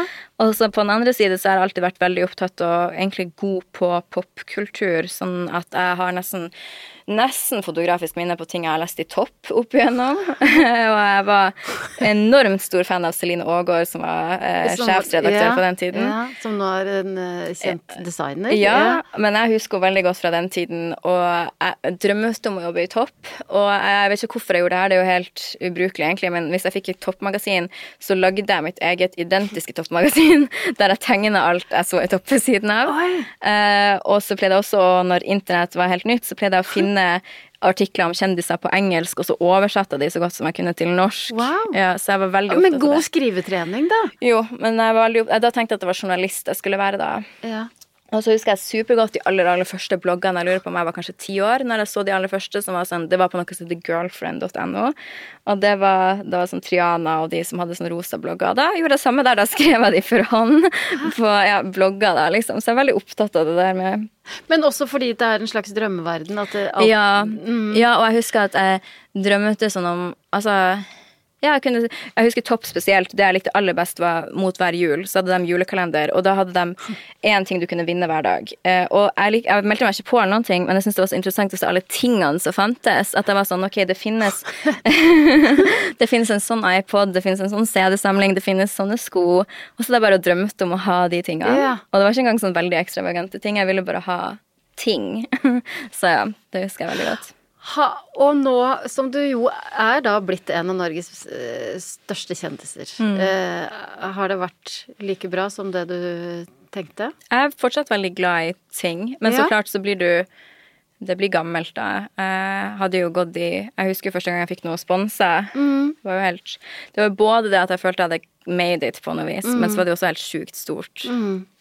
Nå tenker jeg jeg har ikke kapasitet til å tenke like mye på det hver Mm, gang det skjer.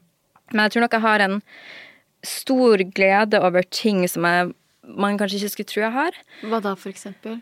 Nei, altså nå er jo det her en veldig stor ting, men jeg har en veldig fin bil. Jeg har jo Porsche, og jeg har jo hatt den nå i to år.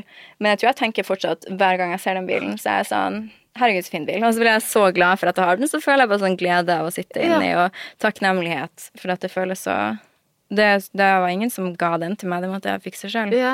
Tror du dette har sammenheng med at du vokste opp eh, i et hjem hvor det var litt lite penger? 100 Jeg Ja. tenkte faktisk på det senest i dag, for jeg har alltid romantisert veldig den der Oslo Vest-greia, og Ja.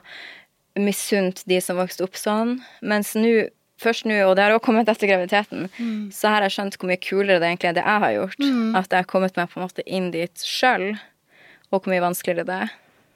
Og hvordan tror du at du kommer til å, å snakke med barna dine om dette her? Om, om penger og Det er en ting som jeg og kjæresten min syns er litt sånn vanskelig Ikke akkurat det med penger, men det med tilknytning og hvor man kommer fra. da. For jeg og han er jo begge fra Harstad, mens våre barn kommer jo ikke til å ha noe voldsom tilhørighet til det. De kommer jo til å ja, vokse opp her på Oslo vest og ha Det er det de kjenner til, og det er deres hjem.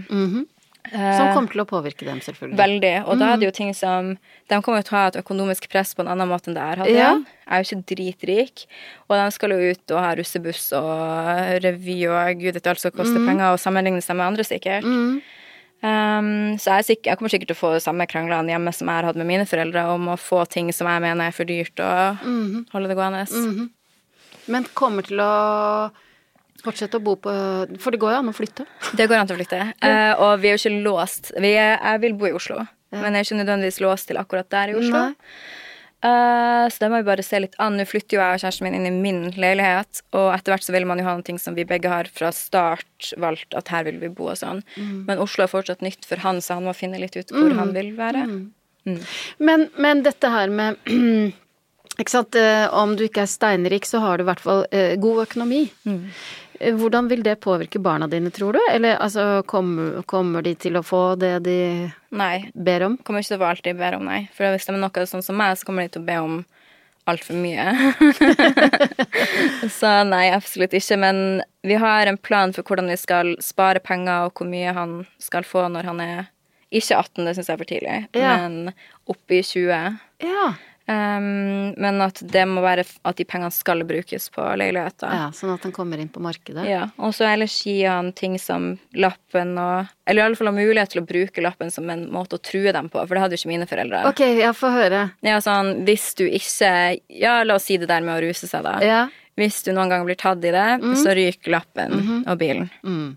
Jeg visste at mine foreldre ikke kunne gi meg lappen eller bilen, så de hadde ingen så sånn var Så det var ikke det var Hadde ikke noe leverage på meg, nei. Så jeg kan bruke sånne ting. Ja, men tror du eh, For vi, hva skjer da hvis uh, han likevel kommer hjem full som Da får han ikke lappen. Nei, ikke sant, for Ja. da kommer du til å klare Eller å stå i det. Så enkelt å si nå, for samtidig så vil jeg ikke at han ønsker ende helt på kjøret heller. Så han vil jo sånn Ok, skal du både ruse deg og ikke få lappen eller bil? Altså, skjønner du, det liksom, Da blir det litt sånn Man må bare se.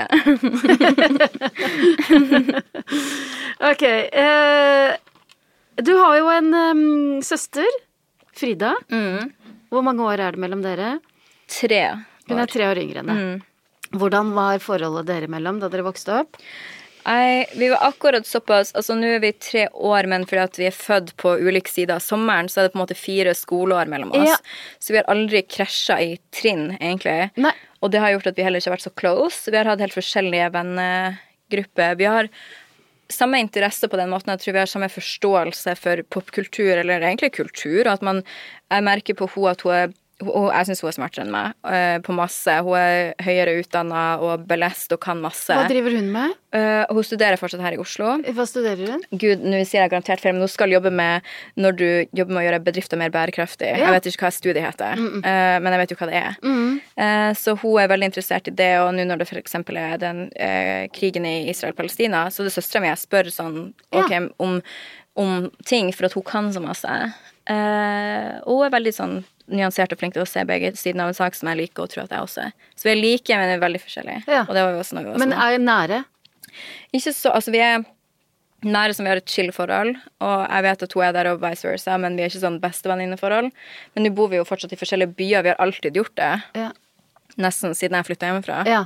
Så Hvordan, hvordan har det, tror du det har vært for henne som søster å se i alle de stormene du har stått i? jeg, ikke, jeg vet ikke hvordan de stormene har påvirka henne, men jeg vet at det har vært vanskelig å ha en søster som er så kjent. Ja, For at du, hvordan da? Når du vokser opp i en liten by, da, så blir du søstera til, og for henne har det vært veldig viktig å finne sin egen identitet. Heldig, Mm. sånn, hun har jo klart å flytte til New Zealand på videregående og var der i mange år, og har gjort veldig sin egen ting, så hun er på en måte ikke noe assosiert med meg, men var Mm. jo det som yngre, selvfølgelig. Tror du at hun rømte litt fra det hele da? Ja, jeg liker å tro at det handler ikke Eller det kan jo umulig handle bare om meg, Mm. men uh, det var nok en blanding av å ville se verden, men også det. Mm. Mm. Eh, dine foreldre, de fikk jo deg tidlig i 20-årene. Mm. Hva slags oppdragere var de? Ja, hvordan var de? Jeg... Snill og chill, på en måte, Ja. egentlig. Ja. Jeg har ikke foreldre som noen gang har ropt til meg, aldri kalt meg noe stygt. Jeg har ingen sånne traumer som henger ved fra barndommen, og det er veldig fint. ja. Og det eneste som har prega meg, egentlig faktisk, er det at vi hadde det vanskelig økonomisk, og jeg kunne merke at det eh, stressa dem, og spesielt kanskje pappa, for at han var jo forsørgeren da. Mm. men nå når jeg er voksen sjøl, så skjønner jeg jo hvor enormt vanskelig det må være, for jeg merker jo hvor vanskelig det er bare for meg hvis jeg har økonomisk eh, styr. Mm. Så eh, nå gir jo det meg bare masse respekt for dem. Mm. Var de like? Mamma og pappa, nei. De er så forskjellige. Hvordan da? Eh, de har samme humor, og jeg merker at de har en eh, bra sjargong.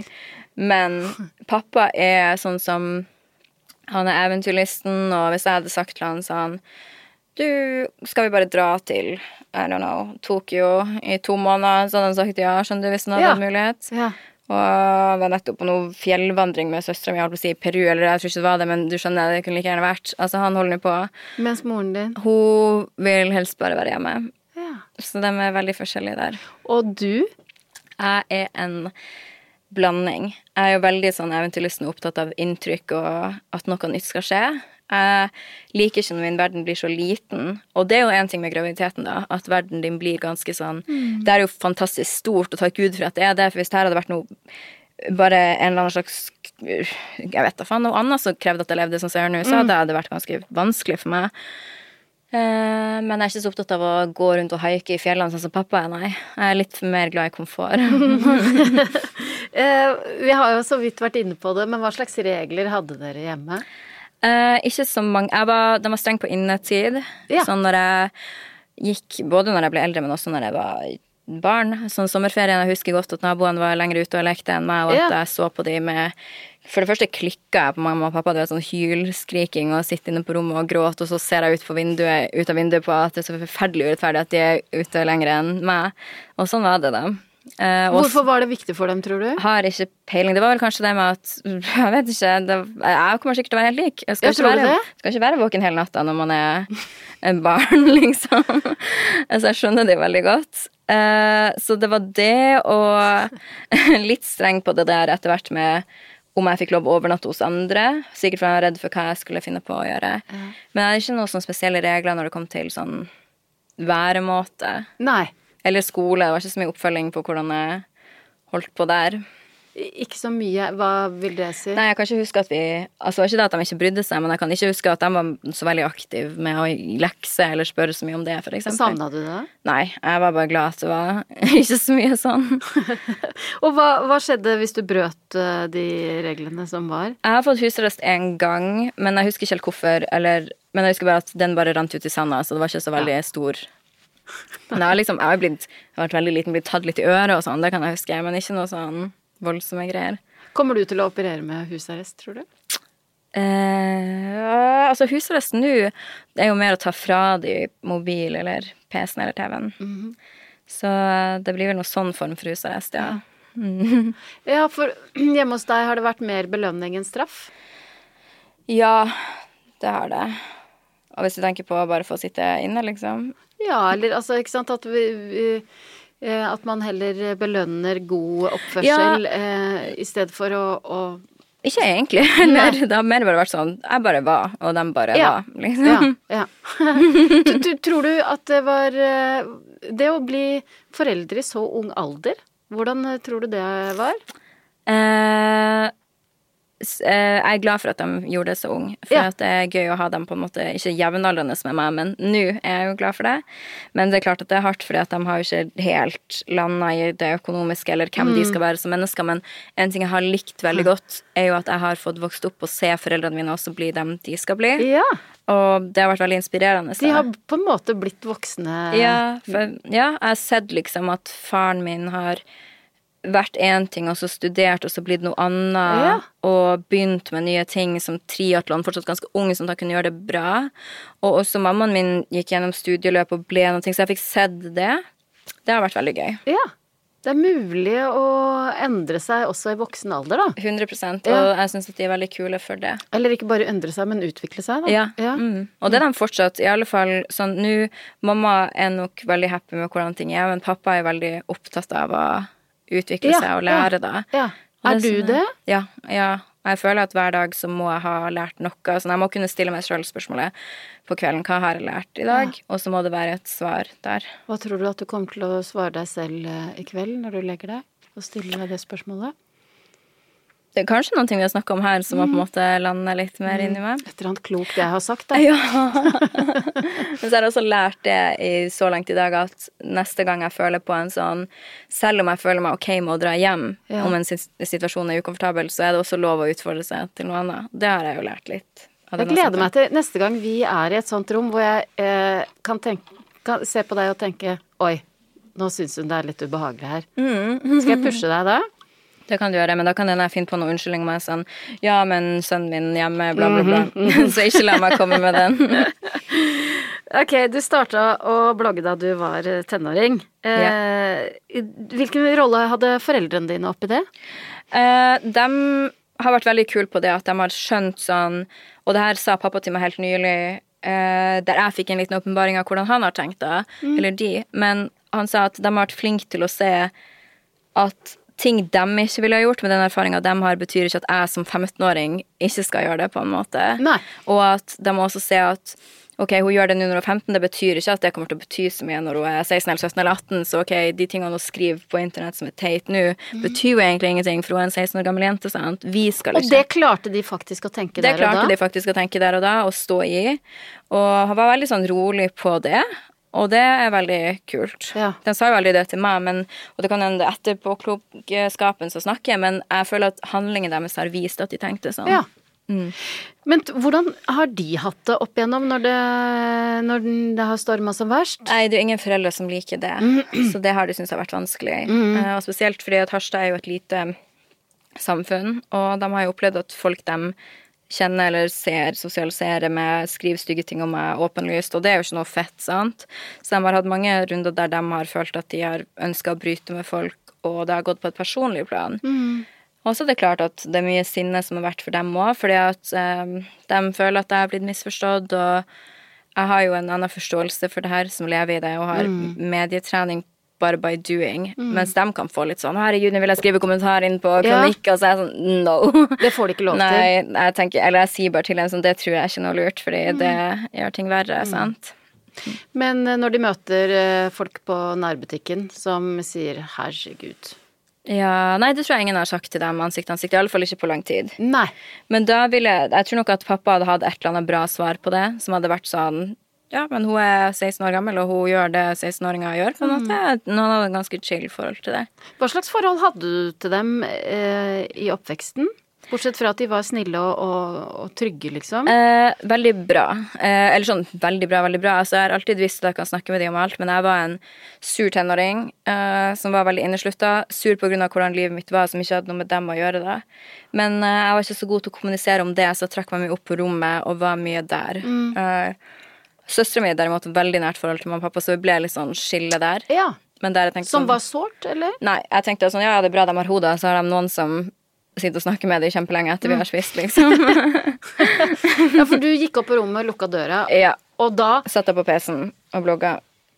eh, Hadde du et ønske om at de skulle banke på og spørre hvordan du hadde det? Nei, men jeg kan tenke på det tilbake nå, at herregud, så koselig det er når alle er hjemme, bare. At, man, at jeg sitter på rommet, jeg hører at de snakker nede, og hører søstera mi på med et eller annet. Det er jo noe som aldri blir å komme tilbake på, på samme måten, da.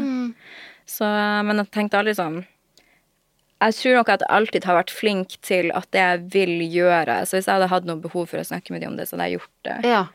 Eh, så det Ja, fordi at når du sier at du visste at du kunne snakke med dem om alt, men hvordan var det med åpenhet i hjemmet? Snakka dere om alt? Eh, Jeg og pappa Nå høres det ut som det kun jeg og han som har hatt forhold. Det er ikke sånn. Jeg tror man bare naturlig Ja. uh, Jeg kunne snakke med pappa om alt fordi at han er mindre følsom. Og jeg er jo igjen mer følsom. Så jeg tror nok at med min sønn så kommer han mest sannsynlig til å snakke med faren sin. ja. Fordi at du eh, ville skåne moren din, på en måte? Ja, men hun er som jeg kan fort begynne å gråte, skjønner du. Jeg skjønner. Så ikke at hun noensinne har gjort det, men jeg kunne føle det.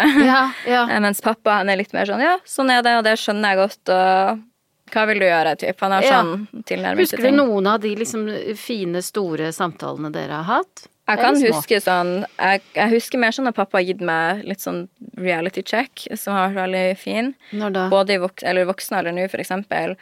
Der jeg var sånn Ja, for eksempel så har jeg det siste året levd veldig mye på sparepengene mine av sånn stormer og ting som har vært, så jeg har jobba mindre.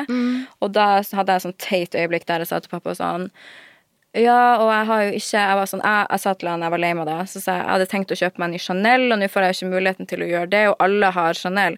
Og da var pappa sånn, herregud, alle har ikke Chanel. Nå må du tenke på hva det er du sier, og hva det er du sammenligner deg med. Og da var jeg sånn, herregud, han har så rett. Jeg er i en helt sånn fucka bransje der det Ja, liksom er vanlig. Det er du, ja. Og da fikk jeg sånn Herregud, at jeg ikke har en Chanel, det går helt fint. så han har jo gitt Men han tar ikke sånn kjeft, han blir jo sånn Herregud, liksom, du er bedre enn å si noe sånt som det der. Men også at han har sagt hvis jeg har vært veldig lei meg over ting, Mhm. så har han kunnet sagt sånn helt chill sånn Jeg tror problemet ditt er at du har for store forventninger til livet, rett og slett. Og da kan det være sånn Sant! Det er kanskje det som er problemet her. Ja. Så han gir meg noen sånne eh, bomber som det der som er veldig fine. Hvor ofte snakker dere sammen? Jeg og pappa snakker ganske mye sammen fordi at han hjelper meg med mye som har med jobb å gjøre. Mhm. Så jeg tror jeg utveksler noen slags form for kommunikasjon med pappa hver dag. Ja. Men ofte snakker vi bare på mail. Ja. Men der snakker vi ganske sånn langt, skjønner Ja, du. ja. Men eh, hvis eh, sønnen din eh, gjør som deg, eh, går på rommet og lukker døra Da blir jeg lei meg, for at jeg er sånn som mamma, sant.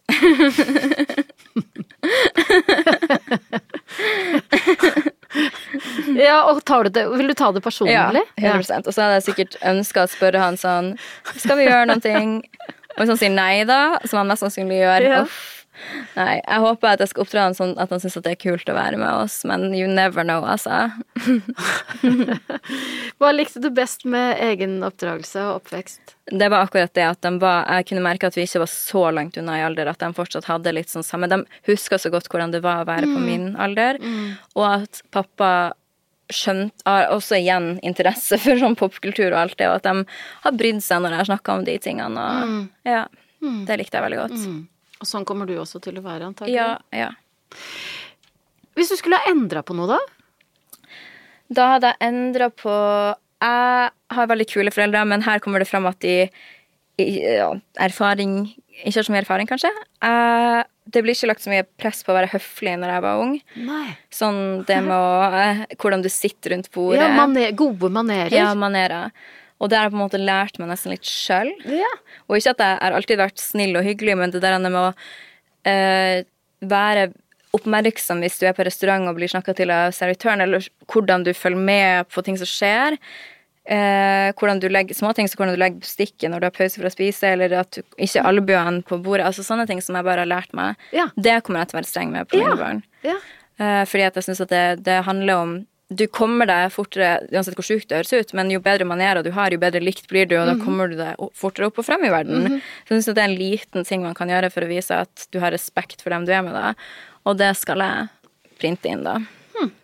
Eh, hva tenker du er det viktigste du har lært av foreldrene dine? Eh, det med å se ting fra begge sider. Jeg har merka noen ganger at pappa har diskutert bare for å diskutere, og det har han ikke gjort for å være vanskelig, men fordi at jeg skal bli utfordra på det jeg sier.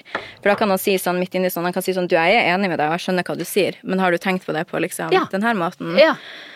Og det har vært veldig fint. Jenta fra Harstad har bodd i Oslo i flere år nå. Bor i- midlertidig i Trondheim. Ja. Um, og ikke lenge etter at du flytta opp dit, så kom nyheten om at eh, du og ungdomskjæresten Vegard skulle bli foreldre for første gang. Eh, hva Og det hører da med til historien om at du var Gravid tidligere. tidligere. Hva følte du da du, du så liksom de to strekene på graviditetstesten? Mm. Nå? Nei, Forrige gang. første gang. Uh, første gangen da var egentlig ikke jeg og han Altså, vi har ikke vært sammen lenge. Mm. Uh, Nå er det jo her en person jeg kjenner veldig godt, men vi var ikke blitt kjærester da heller. Vi har liksom holdt på. Og når jeg da fikk den testen, så hadde ikke vi snakka om disse tingene whatsoever. Jeg ante ikke om han ville Så da var det i Oslo, han var hos meg, og jeg tok den, og så var jeg sånn eh, eh, så hadde vi vært ute dagen før, og så sa jeg til han som vekta han, så sa jeg sånn Du, jeg må snakke med deg, og han var sånn Hva da? Og da trodde han det var noe som hadde skjedd i går, eller et eller annet. Liksom. Han skjønte ingenting. Og når jeg da sa hva det var, så ble han egentlig bare glad. Og da var egentlig jeg mer sånn Jeg ville, jeg ville beholde, men så er jeg så sykt også sånn at hvis Jeg ville heller ikke få barn med noen som ikke vil få barn. Det ville jeg ikke stå i. Det hadde ikke jeg vært sterk nok til å klare. Uh, men når han da ville, så ble det bare veldig sånn trygt for meg. Og så gikk jeg litt mer inn og ut av sånn tanker om sånn meg sjøl som mor og hvordan det skulle bli og alt sånt. Men han var veldig stødig, og så bestemte vi oss med en gang for at det var noe vi ville gjøre. Hvordan, hvorfor tok du den testen? Var, den tok jeg, det tok lang tid, fordi at jeg hadde tatt en ganske tid Hvorfor jeg tok den? Ja. fordi at jeg hadde tatt en test tidligere, sånn nesten en måned før, Og så var det negativ, og så fikk jeg noe som jeg trodde var mensen, sånn litt blødning, og så av, og så på igjen. Så var jeg sånn Det var jo en veldig rar mensen, men så kom det den og gikk, og så fortsatte jeg bare å leve. Så du hadde en følelse av at Ja, men noe var rart, for jeg tracker det, sant? og så var jeg sånn, der var den rareste mensen jeg har opplevd i hele mitt liv. Men det hadde vært såpass mye blødning at jeg tenkte sånn, ja ja, det var vel det, da. Og så gikk det så mange uker, og så var jeg sånn men, Og så fikk jeg plutselig litt blødning igjen, og da var jeg sånn, det her kan være så masse, men jeg tar det bare en test til. Og da var den positiv, og da var jeg vel sånn sju uker på vei eller noe. Ja. Og så bestemte dere dere for å Beholde. ja. beholde. Og så, hva skjedde da? Eh, så bestemte jeg oss for å beholde, og så dro på ultralyd, eller jeg dro på ultralyd, for da hadde han reist tilbake til Trondheim. Og så var det den vanlige som fortalte det til man skal vente, men jeg tenker at jeg hadde jo sagt det hvis jeg mista, så da kan jeg like gjerne være åpen. Og jeg mista jo, så jeg var glad for at jeg hadde vært åpen. Ja, til din nærmeste. Ja, fortalte det til liksom venner, nære venner og familie og sånn. Kjøpte, Kjæresten min kjøpte en sånn bamse til den, og holdt nå på, var noen uker med en Ja. måned etter det. Må liksom glede Begynne kanskje litt mer. bygge rede. Ja. Ja, og bare hvordan man skal gjøre ting praktisk, da. Og så dro jeg på ultralyd igjen en stund etter det. Og da var jeg fortsatt gravid, men hjertet hadde slutta å slå, så da er du jo ikke gravid. Var du alene, eller var Da var jeg alene. Uh, igjen. Ja. Og da For jeg skulle egentlig ikke på den ultralyden. Jeg bare fikk en Det var ingenting som hadde skjedd, men jeg fikk bare en følelse Jeg skjønner. der jeg var sånn Jeg må bare dra og sjekke, fordi jeg vil bare se det på nytt igjen. Og se at hjertet slår og sånn. Og så når jeg kom dit, så kunne man se det, men man kunne ikke se hjertet slå. Og da var det litt sånn Kanskje det er noe med måten du At det, de var veldig De ville ikke si til meg, merka jeg, sånn det her For jeg fikk så panikk. Så de var heller sånn Du kan komme tilbake om noen dager, for de var sånn Kanskje, kanskje vi tar feil. Kanskje du ikke er så langt på vei som du tror. Selv om jeg hadde vært på en annen ultralyd og hørt hjertet.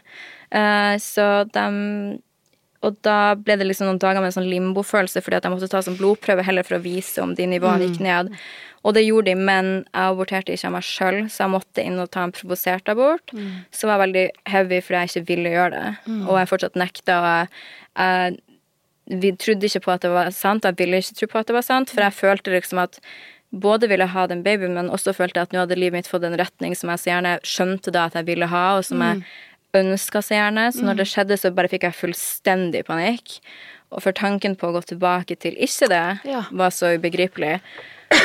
Og da, etter det, flytta jeg til Trondheim. For det var egentlig Ja. ikke planen, men da var jeg sånn, jeg må bare ha noe annet. Jeg kan ikke fortsette å gå i akkurat det samme som før alt det her. For der er det i hvert fall helt ut Ja, av det ja. som jeg egentlig vil at livet mitt skal være da. Ja. Og så dro jeg til Trondheim, og så ble jeg heldigvis gravid igjen etter tre måneder. Mm.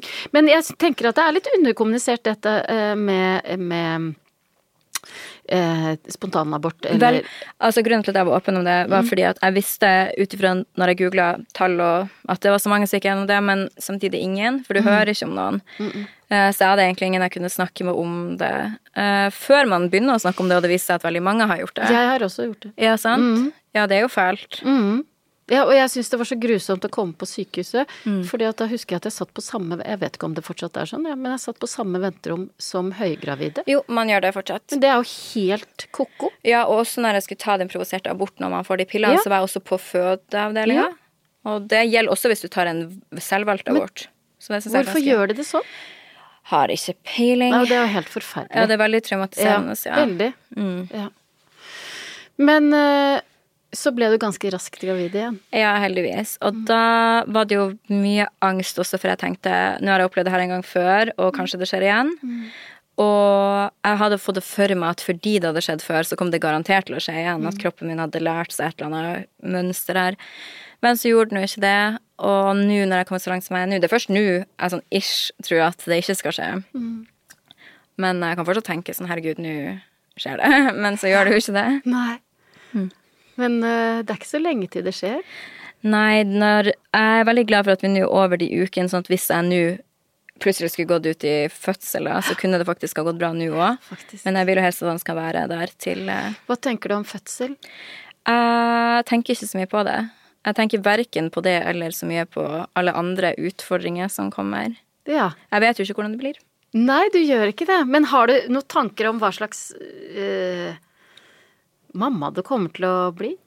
Jeg, treng, jeg vil være snill, forståelsesfull og prøve å ikke legge mine egne bekymringer for mye over på han. Gjøre det foreldrene mine har gjort riktig, at de er sånn det her er riktig for en 12-åring, 13-åring, 14-åring. Det betyr ikke at det er riktig for oss. Men også det med å la han lære å feile litt, da. At å tenke sånn det kommer til å gå bra om han gjør den feilen, og det kommer faktisk også til å gå bra de forferdelige tingene som om han ikke blir inkludert i en bursdag, eller Og heller prøve å være der som en sånn trygg, for det er jo det man skal være som foreldre. Sant? Man skal være menneskelig, men man skal også være stødig. Og så må jeg også skjønne det at ting At det er han som kommer først i hovedsak i, uansett, da. Sånn jeg hadde lyst til å liksom bo i en annen by i permisjon til kjæresten min med babyen. ja. Og da er det viktig at man skjønner sånn Det her gjør jeg jo ikke for babyen, det gjør jeg jo for meg. Så da må man tenke sånn Er det det beste for den, eller funker det for den? Altså Sånne tanker bare kommer automatisk, og sånn vil jeg tenke resten av hans sitt liv. Men har, har du begynt å forberede deg til fødsel? Mm, jeg har sånn doula. Uh, vet du hva det er? Eh, Som er en slags fødehjelp? Ja, fødehjelp, som jeg snakker en del med. Og Hva sier hun? Nei, bare sånn litt det med vi snakka om fødebrevet og hvordan stemninga vil skal være der, men det er egentlig så langt som det går. Mm. Kommer du til å, å ta imot noe smertestillende? Ja, ja, ja, ja. Ja, ja, ja. Alt. Ja. jeg skjønner ikke For min del så tenker jeg sånn, hvorfor ikke? Altså, jeg har aldri vært så på høyden jeg, som de to gangene jeg har fått epidural. Ja. Det må jeg si. Men går det inn i hodet også, eller er det bare sånn i kroppen? Altså, det er bare fordi at eh, fraværet av smerte er, deilig, lykke. ja. Ja. Da skjønner man hvor deilig det er å ikke ha vondt. Åh, mm, mm, rett og slett. Men, og du som eh, er en litt engstelig type, er du redd for å, å få en fødselsdepresjon, eksempel? Litt eh, fordi jeg merker at hormonene treffer jo hardt nå òg. Ja. Eh, så jeg har en fødselslege, men som også funker som en slags terapeut, som jeg har eh, snakka med om å booke timer sånn i et halvt år etter fødselen. Sånn at vi er der Ja. noen gang bare meg, men noen gang meg og kjæresten òg. Bare for å snakke om hvordan det er. Ja. Så det er planen. Ja. Du, kjære Sofie Elise, dette har vært eh, eh, veldig, veldig fint. Det var så Eh, hyggelig. Ja, og eh, jeg kommer til å invitere deg igjen på et eller annet tidspunkt. Nå skal du få liksom egentlig bare eh, forsvinne inn i bobla etter hvert, ikke sant? Ja. Eh, bygge redet, og så bli i det redet en stund. Det skal jeg. eh, men jeg håper jeg får lov til å, å invitere deg tilbake igjen. Det vil jeg gjerne. Det blir jo litt annerledes når jeg har barn nå. Ja. Em, men eh, helt til slutt, hva ønsker du at eh, han lille gutten skal ta med seg videre fra din oppdragelse, og kanskje bruke igjen når han får egne Når han kommer i denne ja. poden. ja. Eh, forhåpentligvis det med å være snill. Det er det viktigste. Altså, og være seg sjøl. Det er så klisjé, men det er det viktigste. Lykke til med alt. Tusen takk. Tusen takk for at du kom på besøk. Tusen takk for at jeg fikk komme. Neste uke så prater jeg med Henrik Fladseth om hans oppvekst og hvilke valg han tar som pappa. Vi høres!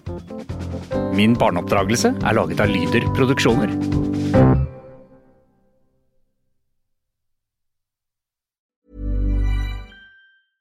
Mom deserves the best, and there's no better place to shop for Mother's Day than Whole Foods Market. They're your destination for unbeatable savings, from premium gifts to show-stopping flowers and irresistible desserts. Start by saving 33% with Prime on all body care and candles. Then get a 15-stem bunch of tulips for just $9.99 each with Prime. Round out Mom's menu with festive rosé, irresistible berry chantilly cake, and more special treats. Come celebrate Mother's Day at Whole Foods Market. Imagine the softest sheets you've ever felt. Now imagine them getting even softer over time. That's what you'll feel with Bowl and Branch's organic cotton sheets. In a recent customer survey, 96% replied that Bowl and Branch sheets get softer with every wash. Start getting your best night's sleep in these sheets that get softer and softer for years to come. Try their sheets with a 30-night guarantee. Plus, get 15% off your first order at bowlandbranch.com. Code BUTTERY. Exclusions apply. See site for details.